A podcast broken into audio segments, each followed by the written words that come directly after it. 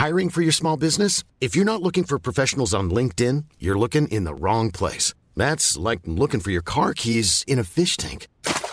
LinkedIn helps you hire professionals you can't find anywhere else, even those who aren't actively searching for a new job but might be open to the perfect role. In a given month, over 70% of LinkedIn users don't even visit other leading job sites. So start looking in the right place. With LinkedIn, you can hire professionals like a professional. Post your free job on linkedin.com slash people today. Burrow is a furniture company known for timeless design and thoughtful construction and free shipping. And that extends to their outdoor collection. Their outdoor furniture is built to withstand the elements, featuring rust-proof stainless steel hardware, weather-ready teak, and quick-dry foam cushions. For Memorial Day, get 15% off your Burrow purchase at burrow.com slash ACAST and up to 25% off outdoor. That's up to 25% off outdoor furniture at burrow.com slash ACAST. Millions of people have lost weight with personalized plans from Noom, like Evan, who can't stand salads and still lost 50 pounds. Salads, generally, for most people, are the easy button, right? For me, that wasn't an option. I never really was a salad guy. That's just not who I am. But Noom worked for me. Get your personalized plan today at Noom.com. Real Noom user compensated to provide their story. In four weeks, the typical Noom user can expect to lose one to two pounds per week. Individual results may vary. I've drummed it into our players that they are privileged to play for you. Corner taken quickly, Origi! And Mission Impossible is accomplished. It's seven for Liverpool. Sensational, astonishing, incredible. Du hører på Pausepraten, en podkast fra Liverpool supporterklubb Norge. Med en skadet Mohammed Salah i Egypt tok Diogo Shota og Darwin Nunes skåringsansvar mot Bournemouth, og onsdag sikret Liverpool seg sin 14. ligacupfinale etter skåring av Luis Diaz. Arve Vassbotn heter jeg, og med meg i Liverpool.no pausepraten i dag har jeg Tore Hansen og Jens Bessesen. Nå skal vi til Wembley igjen. Liverpool er allerede mestvinnende i ligacupen og kan nå vinne sitt tiende trofé. Som i 2022 er Chelsea motstander på Wembley. Dette blir en godbit å se fram til, Tore. Ja, det ble jo på mange måter topp motstand. Eh, det ble ikke Middlesbrough, men Chelsea, så eh, Ja. Litt kjedelig kanskje å møte laget så mange ganger før, men eh, det gir jo en helt annen ramme og, og, og en helt annen oppbygging til kamp når du møter på en måte en, en, en topp motstander, selv om Chelsea ikke er er oppe der sånn som de har vært de siste årene, da, så har de allikevel enkeltspiller og en manager og en, en klubb som uh, vil gi oss motstand uh, til det bitre enn det er jeg helt sikker på. Men uh, finale Jeg føler hver ligakamp er blitt en finale nå, så jeg føler at vi er godt forberedt på den måten. Ja, bare finaler eh, fram til slutten av sesongen, sånn som Yes. det skal være. Jens, hva føler du nå? Ja, det er jo ikke akkurat uh, det samme Chelsea som vi møtte i 2022. Jeg så at eh, ni av de elleve som starta for Chelsea, da, er borte. Så Ja. sånn sett så mm, Det er bare navnet på laget og fargene på drakta som er Ja. det samme omtrent. Prøv, Men, uh, prøver du å si at Chelsea har kjøpt og solgt mye spillere nå? Mulig, det. Og et par managere har vel også kommet og gått siden den gang. Og eiere Eh, også, fordi forrige gang så var det jo akkurat når Ukraina-krigen hadde brutt ut, og Abramovic eh, var i hardt vær også, så det, det har skjedd mye i den klubben siden da, ja. Ja, men eh, spennende kamp blir det sikkert uansett, for de har jo et godt lag. Men jeg satt og tenkte litt på hvordan det var i fjor på denne tida, for jeg så på terminlista da, og da hadde vi tapt. Eh, Ligaformen var 3-1 mot Brentford, 3-0 mot Brighton, 0-0 mot Chelsea, og så 3-0 igjen mot Wolves. Og vi var ute av ligacupen og var på vei ut av FA-cupen, så ganske kult å se eh, hvordan de har klart å snu det fra i fjor. Eh, det er ikke så mange andre klubber og managere som hadde klart det. Så Også med det mannskapet, ikke minst de ungguttene. Det er jo det som eh, iallfall gir meg en eh, liten kick her, eh, å se hvordan eh, både Kwanza fortsetter på det sporet han er inne på. Du har eh, Bradley som eh, ja, Han ble riktignok lurt på det utlikningsmålet, kanskje, men han, han leverer jo top notch hele veien og en spennende type. Passer utmøkket inn i det systemet som, som Klopp uh, har. Uh, god i presset, opp i, opp i mannen sin hele tida. Vinner ballen, god ballvinner. Og kan ha en god innsvingerfot, så eh, imponerende eh, når han har tatt den utfordringa. Gomez ikke minst, som jeg syns bare spiller bedre og bedre nesten. og selv om folk begynner å komme tilbake fra skade, så er det enormt viktig å ha den fleksibiliteten. Jeg nesten kan spille på alle plasser bak der. Så eh, utrolig mye å, å, ta med seg for disse kampene her òg, i tillegg til resultatet. At han setter inn eh, Bobby Clark der når Fulham begynner å spille seg inn i kampen igjen. som ja nesten aldri har spilt en kamp. Det er liksom uh, uh, Ja, det tror jeg heller ikke det er så mange som ville gjort. Så. 18 år og spilt 95 minutter, så blir han kasta inn i en kamp der vi spiller om en finale liksom i sluttminuttene. Så det er bra. Ja. Det kan være dumdristig eller uh, genialt, så ender det opp genialt, og da er det jo greit. Curtis Jones han avslørte jo nå at han har begynt å kalle Diogo Shota for ghost, eller altså spøkelse, fordi han går rundt og virker som om han ikke er involvert i spillet, og så plutselig dukker han opp med et mål, eller to, da, får vi vel si. Shota har jo vært en litt sånn periodespiller som samler målene sine i klynger, og nå virker han å være i en slik periode igjen, og det er jo perfekt timing med de skåringene han hadde mot Bournemouth. Og så har man jo han som da ble omtalt som er shit Andy Carroll fra tribunen men kaptein Kaos, Darwin Nunes, han svarte også med to mål i den kampen. Spøkelseskaos. Vi får håpe ingen tilkaller Ghostbusters. Men hva synes dere om de tos eh, prestasjoner nå? Nå når det trengs, for å legge til det. Ja, det er jo kanskje nøkkelordet. Eh, for eh, litt sånn kjedelig så kan du si at så lenge laget skårer mål, så er det ikke så nøye om verken Jota eller spesielt Nunes eh, ikke setter sjansene sine. Så lenge laget vinner, så er det det, det viktigste. Og det har jo på en måte vært omkvedet litt i, i høsten, og spesielt eh, det har vært fokus på prestasjonene til Nunes foran målet. Eh, så er det jo en del underpunkter her. De er to helt forskjellige typer spillere og har en helt forskjellig tilnærming, ikke minst foran mål. og hvordan de setter målene og de, de egenskapene de har som, som, som spillere. Da. Eh, men eh, det er jo akkurat når du trenger de, og at de da skårer målene, som er veldig utslagsgivende og veldig betydningsfullt for både laget og hvor vi er hen i, i sesongen. For hadde vi gått til disse kampene her, og de ikke hadde levert, de ikke hadde skåret mål, da hadde vi vært i, i, i deep ship, tror jeg, for da hadde vi eh, da, det, da, da, tror jeg heller ikke laget hadde skåret målene de hadde trengt. Eh, fordi at eh, så mange spillere eh, har vært ute, så mange spillere som leverer nest, eh, altså er sist, da, eh, har vært ute.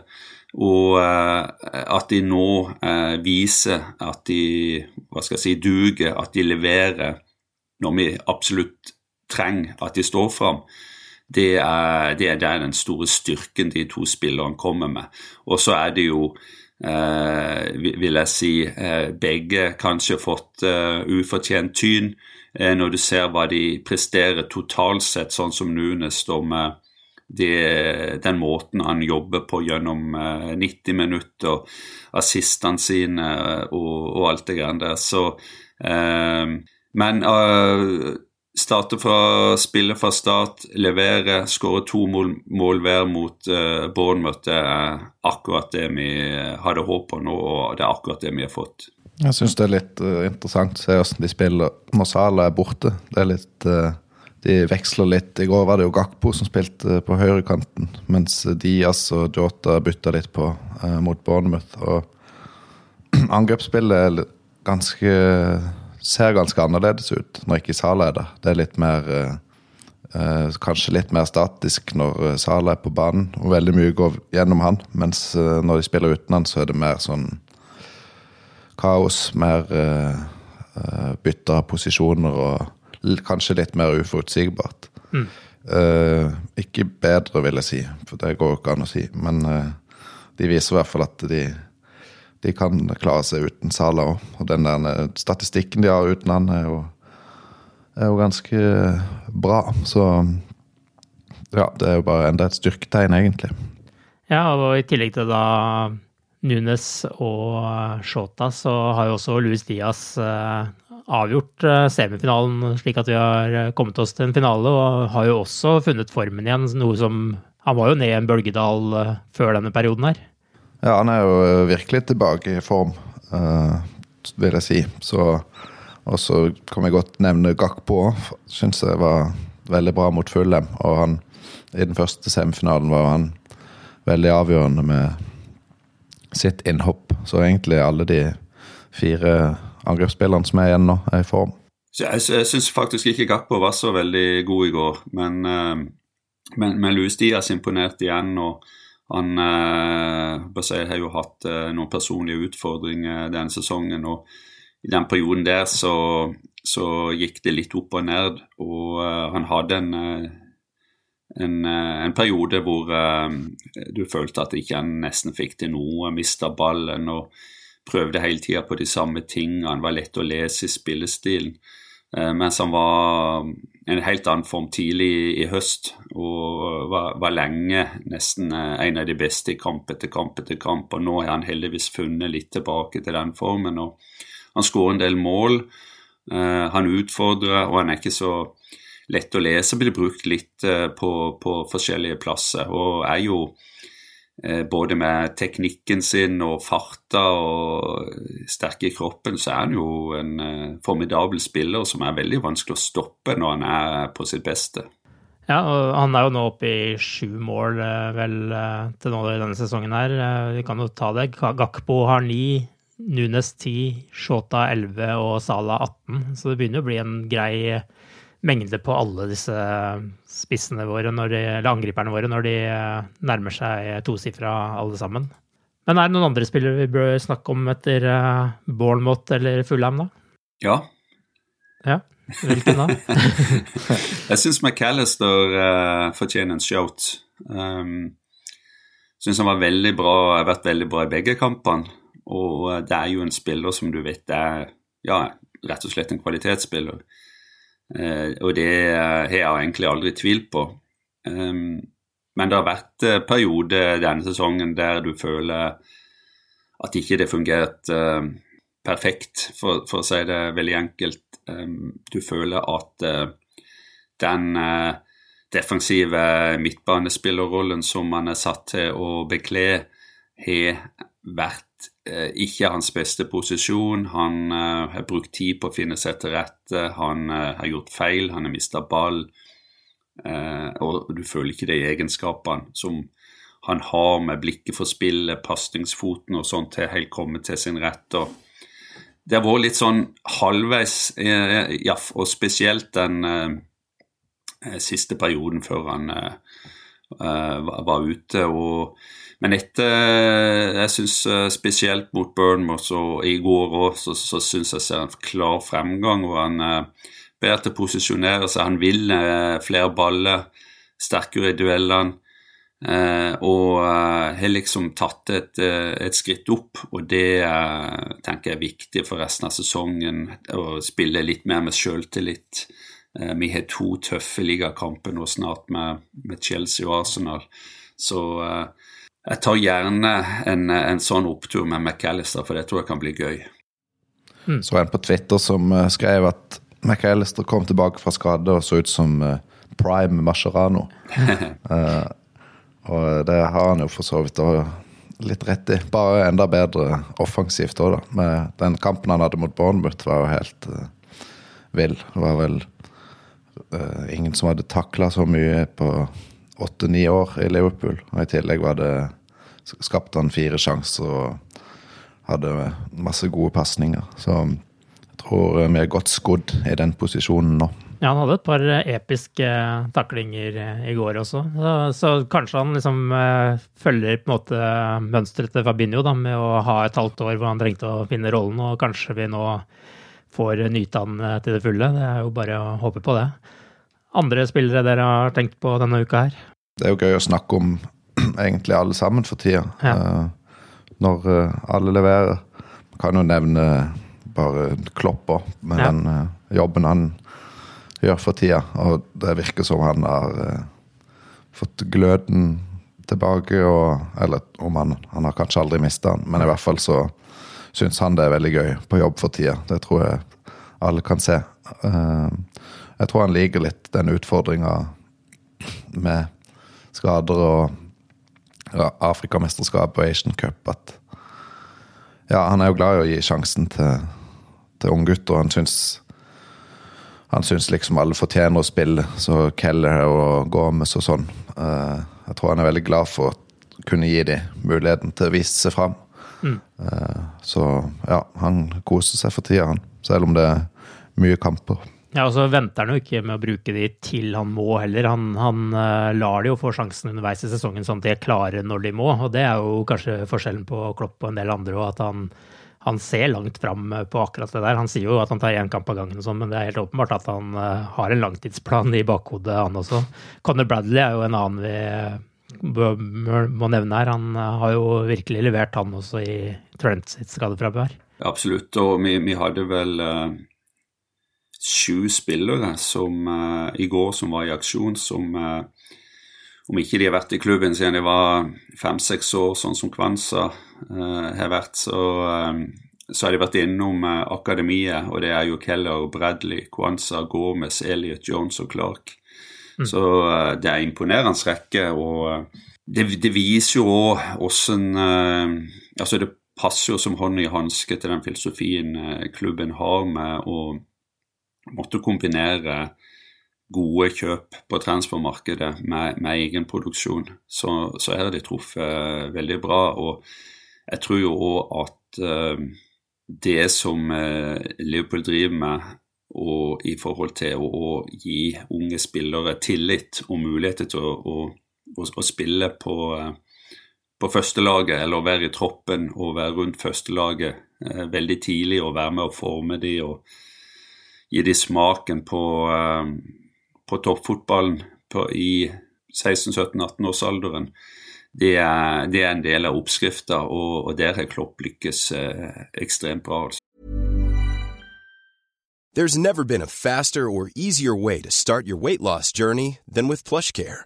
PlushCare accepts most insurance plans and gives you online access to board-certified physicians who can prescribe FDA-approved weight loss medications like Wigovi and Zepbound for those who qualify. Take charge of your health and speak with a board-certified physician about a weight loss plan that's right for you. Get started today at plushcare.com slash weight loss. That's plushcare.com slash weight loss. plushcare.com slash weight loss. I'm Sandra, and I'm just the professional your small business was looking for. But you didn't hire me because you didn't use LinkedIn jobs. LinkedIn has professionals you can't find anywhere else, including those who aren't actively looking for a new job but might be open to the perfect role, like me. In a given month, over 70% of LinkedIn users don't visit other leading job sites. So if you're not looking on LinkedIn, you'll miss out on great candidates like Sandra.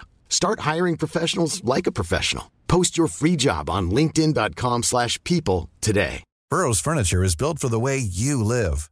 From ensuring easy assembly and disassembly to honoring highly requested new colors for their award-winning seating, they always have their customers in mind. Their modular seating is made out of durable materials to last and grow with you. And with Burrow, you always get fast, free shipping. Get up to 60% off during Burrow's Memorial Day sale at burrow.com slash ACAST. That's burrow.com slash ACAST. burrow.com slash ACAST. Hey there, it's Michelle Norris. I'm host of a podcast called Your Mama's Kitchen. When I travel, I'm usually looking for a way to find a taste of home when I'm not at home. And one of the things I love to do when I am at home is entertain. And Airbnb allows me to do that. When I was in California recently, I rented a house that had a great kitchen. And when we were sitting around the table, we we're all thinking, we're in someone else's house. Someone could be in all of our homes as well. If you have a home, but you're not always at home, you have an Airbnb. Your home might be worth more than you think. Find out how much at airbnb.com/slash host. Since 2013, Bombas has donated over 100 million socks, underwear, and t shirts to those facing homelessness. If we counted those on air, this ad would last over 1,157 days. But if we counted the time it takes to make a donation possible, it would take just a few clicks. Because every time you make a purchase, Bombas donates an item to someone who needs it. Go to bombas.com slash ACAST and use code ACAST for 20% off your first purchase. That's bombas.com slash ACAST, code ACAST. Mohammed Salah han skal jo ha returnert til Liverpool nå for å drive opptrening etter sin hamstringskade, eller ryggskade, det er vel litt uklart eh, fortsatt vel. Men eh, jeg er kjempeletta over at han kom tilbake til Liverpool. Eh, for jeg hadde ikke helt stort på at Egypt skulle ta de nødvendige risikovurderingene nå som de er desperate etter å få han tilbake på banen igjen. Men i Egypt så har jo dette valget vært omstridt, spesielt blant da journalister og fans. Hva, hva, er deres tanker om at eh, det ble løsningen på saken? Det som har skjedd, er vel uh, ikke nødvendigvis uh, raseri over at han har dratt hjem, men det er vel måten det ble kommunisert ut på. Mm. Uh, det var mange som reagerte på at det var Klopp som først nevnte den muligheten. Uh, og han sa vel etter kampen mot Bournemouth at han trodde det var planen at Salah skulle komme hjem. Ja. Uh, og da fyrte de på alle sylindere i Egypt. Og jeg tror ikke fotballforbundet i Egypt heller var så fornøyd. For jeg tror de hadde tenkt å vente til etter den skjebnekampen med å fortelle det. Så mm. det var egentlig der uh, kaoset begynte. Og så har det vært en del sånn uklare meldinger om hvor alvorlig den skaden faktisk er. Mm. Noen har sagt uh, to kamper, noen har sagt uh, tre, og noen har sagt fire. Ja. Uh, men status er vel at hvis Egypt mot formodning skulle komme helt til finalen, så har Sala et håp om å rekke den. Men noe før det virker å være ganske usannsynlig. Mm. Ja, og det ble jo en kaosavslutning på på eh, det mest altså Det ble en kaosavslutning på gruppespillet også for Egypt, som eh, så vidt eh, tok seg videre etter litt overtidsdrama og, og sånne type ting. Tore, hva tenker du om det? Det er to ting her. Det ene er det som skjedde der nede, og det andre er når han faktisk kan være klar for Liverpool. Men for å ta det første først, så, så er, det jo, er, det jo, sånn da at han er en nasjonalskatt for, i Egypt og for supporterne selvfølgelig. Og alt Salah gjør og ikke gjør, blir skrevet om, blir haussa opp og blir omtalt i, med, med, store overskrifter. Og han er kapteinen. Han er den kongen av Egypt, ikke sant. Så, så når det skjer ting rundt han som er av så stor betydning for landslaget, så er det viktig, som Jens var inne på, at ting blir kommunisert rett. og det som er litt dumt, er jo det at du føler at spillerne havner litt mellom to stoler her, litt i skvis mellom sitt eget forbund, eh, landslaget, lagkameratene og alt det, og, og Liverpool FC. Også for de lærde strides om eh, hva som ble sagt og når det skulle bli sagt og alt det grann der. Men det har gått litt utover spillerne. Og du må jo huske på at Salah er en helt spesiell rolle i Egypt, egentlig. For, for Egypt har to store klubber. Og hvis du har spilt for den ene, så vil det andre laget hate det. Har du spilt for den, den, andre klubben, så vil motsatt sett av fans eh, hate det. Han har ikke spilt for noen av de. Har hatt en lang, stor eh, karriere i utlandet og er generelt veldig godt likt. Og så, så skjer det som skjer, og det blir liksom framstilt at eh, han på en måte stikker av gårde litt, da, for å si det på den måten, og uh, Egypti sitter sittende igjen som, litt som svarteper. Men så er det en del underpunkter her òg, uh, eh, ifølge de uh, britiske journalistene som, og for så vidt de egyptiske journalistene òg, som har uttalt seg. Og det er jo det at Egypt sjøl har jo godtatt dette, men som sagt, det er kommunikasjonen rundt det. Og det er jo òg et faktum at de reiser rundt i Elfenben, på Elfenbenskysten. og, og eh, de, de, skal bl.a. til en, en, by, et sted som ikke har veldig gode fasiliteter for å følge opp eh, eh Salah i forhold til de skadene, den skaden han har. da, og Skaden er verre enn det som først ble oppgitt, og sånn at alle er enige om at det beste er at han reiser hjem. altså til Liverpool, og får en, en god oppfølging. Men så er jo det store spørsmålet for oss, da. Når er han tilbake? Hvilken mm. kamper kan han spille? Og, er, og, og hva mener de med han trenger så og så lang tid, han må stå over så og så mange kamper. Er det fra da skaden skjedde, eller er det fra når det ble kommunisert at han skal reise hjem til Liverpool? Hva betyr det? Og det er jo det som er det store spørsmålet egentlig, hvis en skal være uh, veldig rød og, og tenke med, med Liverpool-øyne eller Liverpool-hode.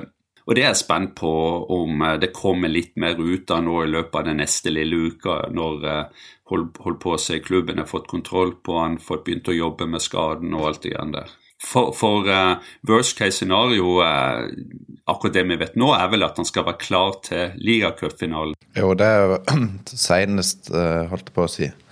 Det er vel maks fire uker fra skaden skjedde for mm. en uke siden. Så det er vel om tre uker fra, fra i dag, torsdag. Så uh, ligacupfinalen burde jo absolutt gå, men det er jo den Afrikamesterskapfinalen som spilles 11.2, som er kanskje et mer viktig mål for hans del. Men det skal veldig mye til at Egypt kommer seg til den finalen. da, For de har, de har ikke sett veldig bra ut i gruppespillet.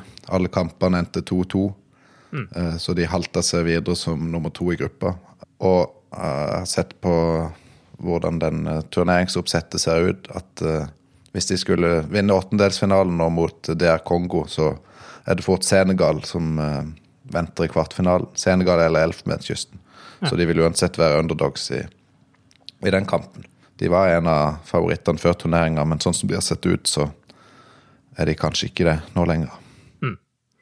Og ligacupfinalen den spilles også 25.2 klokka 17.30 på Wembley. Før det så er det også en kamp mot Brentford 17.2, så man kan jo kanskje håpe at Salah er klar til da og kan få noen minutter da, sånn at han uh, på en måte kunne spille den ligacupfinalen. Men det får vi bare vente og se. Til helga så er det iallfall muligheter for å fortsette et nytt cupeventyr, da mot Norwich på Anfield. Da får vi kanskje se noen flere unggutter igjen i de siste kampene. Men uh, vi skal ikke snakke så mye om den kampen. Vi går over på noen lyttespørsmål. Og har du spørsmål du vil stille oss, så send det inn til pausepraten at liverpool.no. Vi begynner med et spørsmål fra Dag Marius Nereng. og Han skriver selv at det er et sært tema. Så han skriver sært tema, men vil tippe mange med meg er forundret over at vi velger å gi fra oss ballen ved hvert avspark. Som alle vet, så spilles ballen tilbake til midtstopper, som slår en lang pasning ut til venstre. Vi har ikke spesielt sterke hodespillere fremover, og ballen blir som regel tapt. Ideen er muligens å forsøke å vinne tilbake ballen høyt i banen i ren Drillo-stil. Dette synes vi imidlertid er en dårlig idé ved alle andre tilfeller, og jeg har aldri sett vi har gjort det f.eks. ved frispark innenfor midtsirkelen. Hva tror dere er årsaken? Jeg sjekka, ja, sjekka litt opp i det. Ja. Uh, det viser seg at de, de, fleste lag velger å gå for en sånn langpasning fra ja. Avspark. Og litt av forklaringa er vel at uh, hele laget står på egen halvdel når du starter.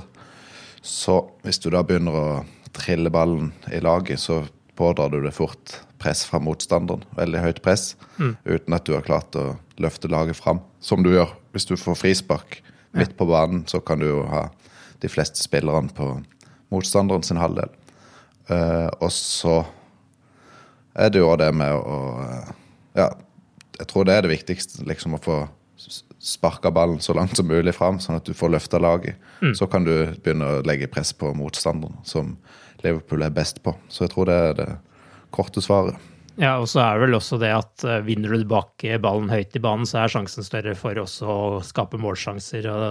Så han er jo innom det her at det å vinne ballen høyt i banen er jo på en måte like viktig antagelig som å nødvendigvis treffe hodet til Jostein Flo som uh, nikker til uh, Tor André Flo eller noe sånt som Drillo gjorde. Her er det mer å måte, vinne ballen høyt i banen det egentlig handler om. Det er nok den mest eh, effektive måten å sette formasjonen og liksom ja, stabilisere laget. Ja, og så blir det jo krig med en gang også, når man starter sånn. ja. Tore, noe å tillegge, eller skal vi gå videre? Eh, jeg kjøper den uh, forklaringa der. Jeg har faktisk aldri tenkt på det. Så Dag Marius har gitt meg noe å gruble på resten av sesongen. Jeg skal følge med heretter. Alle avspark eh, framover må yes. du følge med på. Yes. Vegard Saga har en eh, sånn litt mer artig nøtt til oss. Eh, Jeg vet ikke om det er nøtt, men kan dere diskutere og sette opp et lag bestående av de elleve beste spillerne fra hele Klopp sin tid i Liverpool? Anta at spillerne er i sin peak. Det er vel ikke en sånn veldig vanskelig oppgave, kanskje, men uh, bakerst så har vi vel uh, ingen alternativ annet enn Alison, regner jeg med. Hvis ingen av dere ønsker å ha med Loris Carius eller Simon Mignolet. Ja, du, du vinner den diskusjonen. Høyrebekken er vel kanskje heller ikke så mye diskusjon om. Det er vel Trent, er det ikke det? Dere får protestere. Ja. Uh, det er skal... ingen Jeg tror hele Forsvaret egentlig gir seg sjøl, iallfall for meg. Men, uh... Ja, altså Robertsen og van Dijk gir seg selv, men så er det jo den andre midtstopperplassen. Det er vel kanskje en av de plassene det kan være diskusjon rundt. Så hvem er det som gir seg der? i det, Du kan være det, men hvis ikke du er helt tilbakestående, så sier du Matip. Ok, ja, okay. Nei, ja, men ja, den, spil, jeg, jeg, spilte jo Gomez i, i tidenes Premier League-sesong. Han, han, gjorde det. han gjorde det. Det er en eller to uh, utfordrere der, men jeg, jeg syns uh, Loveren spilte mye den sesongen òg, men uh, Når det gjelder liksom stabilitet og toppnivå og det som på en måte uh, gir en, egentlig en perfekt balanse helt fram til de, de, valgmulighetene vi har nå hatt de siste kanskje to årene, så, så er det van Dijk og Matip som jeg syns utmerker seg som det klart beste stopperparet. Ja, jeg kjøper ja, den. Vi må gå for Matip. Ja. Og så har vi midtbanen. Da. Der har vi jo defensiv midtbane. Der er det vel heller ikke noe tvil, eller er det det? Nei. Vi, vi, jeg syns jo det, det, er en av de få midtbanespillerne vi, vi savner, som ikke vi har denne sesongen uh, i i eh, Fabinho. Ja. Og så har vi da to indreløpere. Der kan det kanskje være mer å, å ta. Hvilken eh, spillere ville dere gått for der? Når vi, når vi snakker om peak, så må jeg, må jeg, få lov til å ta med Tiago. For at eh, den sesongen han hadde for to år siden, det tror jeg Det var liksom peak Liverpool under Klopp, i mine øyne. Husker i hvert fall den der semifinalen mot City på Wembley. Førsteomganger der. Uh, leder 3-0 til pause. Det tror jeg tror aldri uh, jeg har sett Liverpool bedre enn akkurat da. Og da var Tiago på sitt aller beste. Så for den sesongen så tror jeg gjerne jeg vil ha, ha han med i laget. Mm. Ja, jeg må innrømme jeg hadde helt glemt at han var, var, et alternativ. Men ja, det, det er et godt argument, det. Den andre, da? Det tror jeg må bli Henderson for, uh, for gullsesongen i 1920. Uh, I tøff kamp med Veinaldum, blir det vel. Men uh, han var kaptein i, i, den perioden der, så da blir det Henderson, Fabinho og Tiago for min del. Ja. Du da, Tore? Vi har Fabinho der, og så ville jeg hatt Henderson for sånn overall commitment, lederegenskaper, eh, forbilde fram til sommer iallfall. Eh, og eh, ja, det han bety har betydd for klubben og, og alt det der. Og han har hatt eh, et par veldig veldig gode sesonger i den perioden vi, vi snakker om. Så jeg ville hatt han, og så ville jeg faktisk gått for Vinaldum som den tredje valget. For litt det samme som med, med med Henderson. Eh, ikke alltid den typen du legger mest merke til, men eh, eh, han var en, en, viktig brikke for hele den perioden. Og gikk kanskje litt under radaren, som sagt, men jeg tror Fabinho Henderson Vilnaldum av de spillerne som på en måte Ja, vi, vi, hadde i de årene der, så peak Kan legge mye i en peak, da, men uh, det er jo det som er spørsmålet, eller antatt anta spilleren er sin peak, men allikevel Eh, Tiago er en fantastisk spiller på sitt beste, og det finnes flere som er ekstremt gode på sitt beste, men jeg ville gått for de tre, som sagt. Ja, jeg tror ikke jeg hadde tatt med Henderson der, men når du nevner Tiago, tror jeg jeg hadde gått på Veinaldum og, og Tiago. Men så hadde det også vært gøy med Soboslai, men har ikke kanskje vist nok til at man skulle hatt inn der. Men en midtbane med Fabinho, Veinaldum og Soboslai kunne jeg gjerne likt å sett. Angrepet, da? Er det Salah, Firmino og Mané vi lander på der? Det er jo vanskelig å komme utenom uh, de, uh, de tre, altså. Det er de tre jeg vil komme til å si, bare for å avsløre det. Så uh, jeg har ikke så mye å tillegge. Der er utfordra dere òg, men jeg tror hvis jeg skulle ha gjort noe der, hvis jeg skulle ha tatt én ut, så tror jeg faktisk det hadde vært Mané. Han er, en bra spiller. Alltid likte han Ble etter hvert en god målskårer og et, alltid vært et godt oppspillspunkt. Sterk i kroppen og kan gå med ballen utfor og alt, alt det grann der. Men skulle jeg tatt én ut, så ville det vært Mané. Og jeg er litt usikker faktisk hvem jeg eh, skulle ha hivd inn der, så nå føler jeg at jeg snakker meg litt mot et hjørne her. Men eh, jeg ville ha gått for de tre. Salah, Firmino og Mané. Ja. Noen innsigelse på det, Jens? Nei, men vi må jo få nevne at uh, Origi er første innbytter, da. Ja. Uh, det var egentlig neste spørsmålet mitt. Liksom, hvis dere skal bare skal ha én innbytter på et sånt lag, hvem ville dere valgt? ja, jeg hadde ikke sagt nei til det. Han har blitt bevist at uh, han kunne brukes som innbytter med stor suksess. Så, og han leverte òg gode kamper fra start, ikke det, men han var nok en, mer enn squad player, men eh, jeg hadde tatt han som innbytter her. Jeg leste at han var den mest effektive spissen i Premier League-æraen i Liverpool. Uh, den beste avslutteren, sånn ut fra antall avslutninger. Så uh, ikke at han skal inn i den trioen, men uh, verdt å nevne at han var god å ha. men hvis jeg skulle valgt én innbytter til et lag, sånn som hvis man skulle liksom bare hatt én spiller, da hadde jeg valgt James Milner, altså. Fordi han kunne tatt alle plasser. Så det, den hadde vært enkel for meg, selv om uh, Origi har skåret mange viktige mål. Um, Joar Skogstad stilte et spørsmål også i forrige podkast om Anfield og utvidelser. Nå lurer han på hvor mange som står i kø for sesongbillett i forhold til tilskuerkapasitet. Uh, noen som vet det? Det er over 10 000 ja. Vi står i kø, og det har vært sånn over flere år. Eh, og det tas ikke lenger folk inn i kø.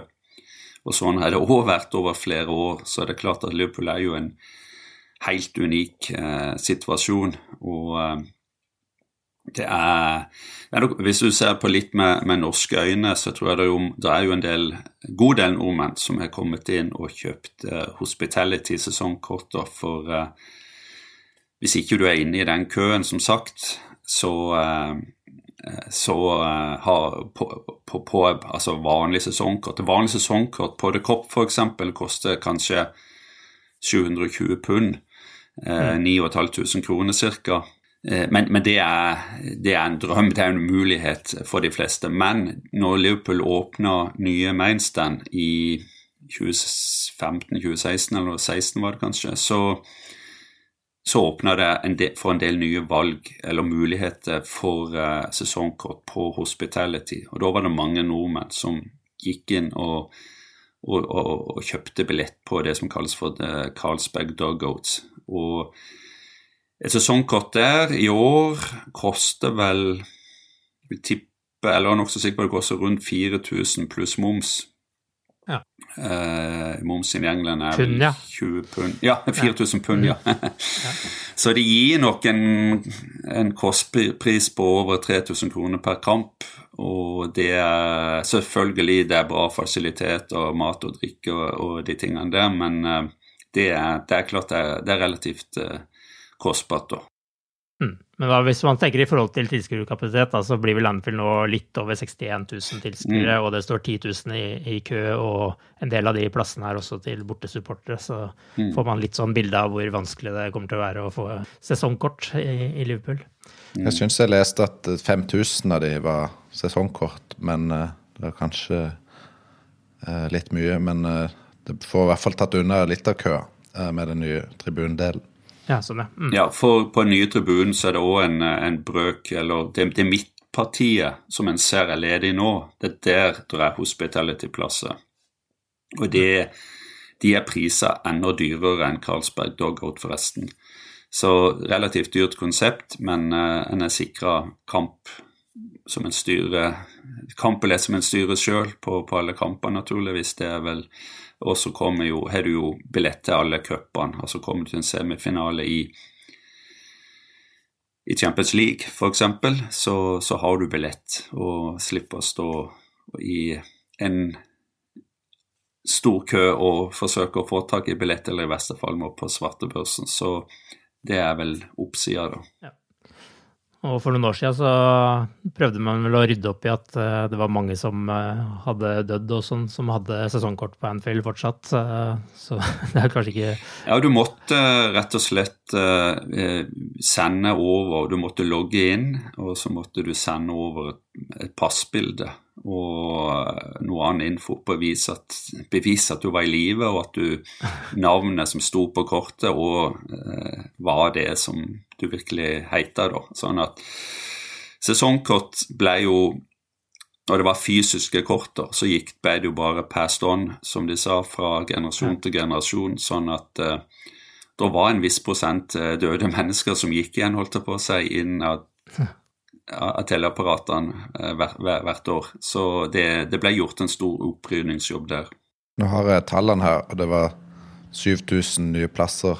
Og da er det 1800 hospitality og 5200 som fordeles på sesongkort, bortefelt og den eh, normale salget. Så nøyaktig hvor mange sesongkort, det Nei. vet vi vel ikke helt ja, tipper maks 1000, fem, mellom 500 000 sesongkort på nye maks.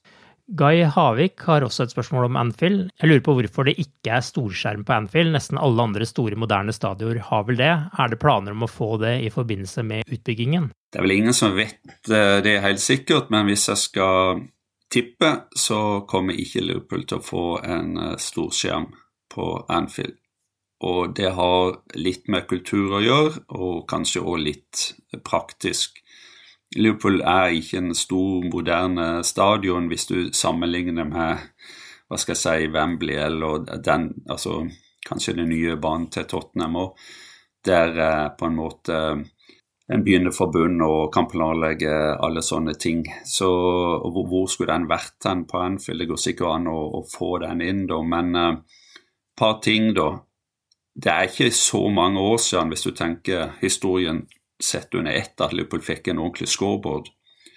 Mm. Og det var, eh, det var, veldig Altså, Liverpool er en sær klubb når det kommer til visse ting, og det er litt de tingene her, da, som at Spikeren oppga jo heller ikke målskåreren i mange, mange år, fram til kanskje på begynnelsen av 90-tallet, eh, eller noe mm. sånt. For det at Filosofien var går du på kamp, så kjenner du til spillet, du vet hvem som spiller, du, du vet hvem du, du, må jo se hvem som skårer mål, ikke sant? Det var den tilnærminga der. Og eh, de holder nok litt igjen, for å si det sånn, at eh, det, er, det, er fot, det, er, det, er, en fotballstadion, det er ikke en uh, underholdningsmaskin. Eh, jeg forstår spørsmålet og, og, sånt, men eh, det er, som sagt, Liverpool er nok litt der at de uh, ikke, ikke, tenker på den måten, altså. Når man er på Tottenham Stadium, så er det jo gigantiske skjermer i alle fire hjørner. Og jeg ser jo for meg også at hvis man liksom skulle hatt det opp på, på Anfield, så ville det kanskje vært i veien for en del tilskuere også som er øverst på tribunene, kan jeg se for meg. Men uh, uten å ha noe godt belegg for det, så tror jeg kanskje det ville blitt for massivt uh, der, sånn som det var, er der, iallfall. Det var det vi rakk denne gangen. Vi pakker bøttehatter og skjerf og gjør oss klar for nok en finale på Wembley. Og på søndag så fortsetter jakten på enda en finale denne våren. Før det kommer et par saftige Premier League-kamper også, mot finalemotstander Chelsea og så Arsenal. Men det er iallfall gøy å være Liverpool-supporter akkurat nå, og så håper vi det fortsetter den neste uka også. Ha det bra så lenge. Ha det bra. Ha det bra. Up to Reds. The best word I can say, but uh, will describe this was boom. Ooh, what was this? It was really good.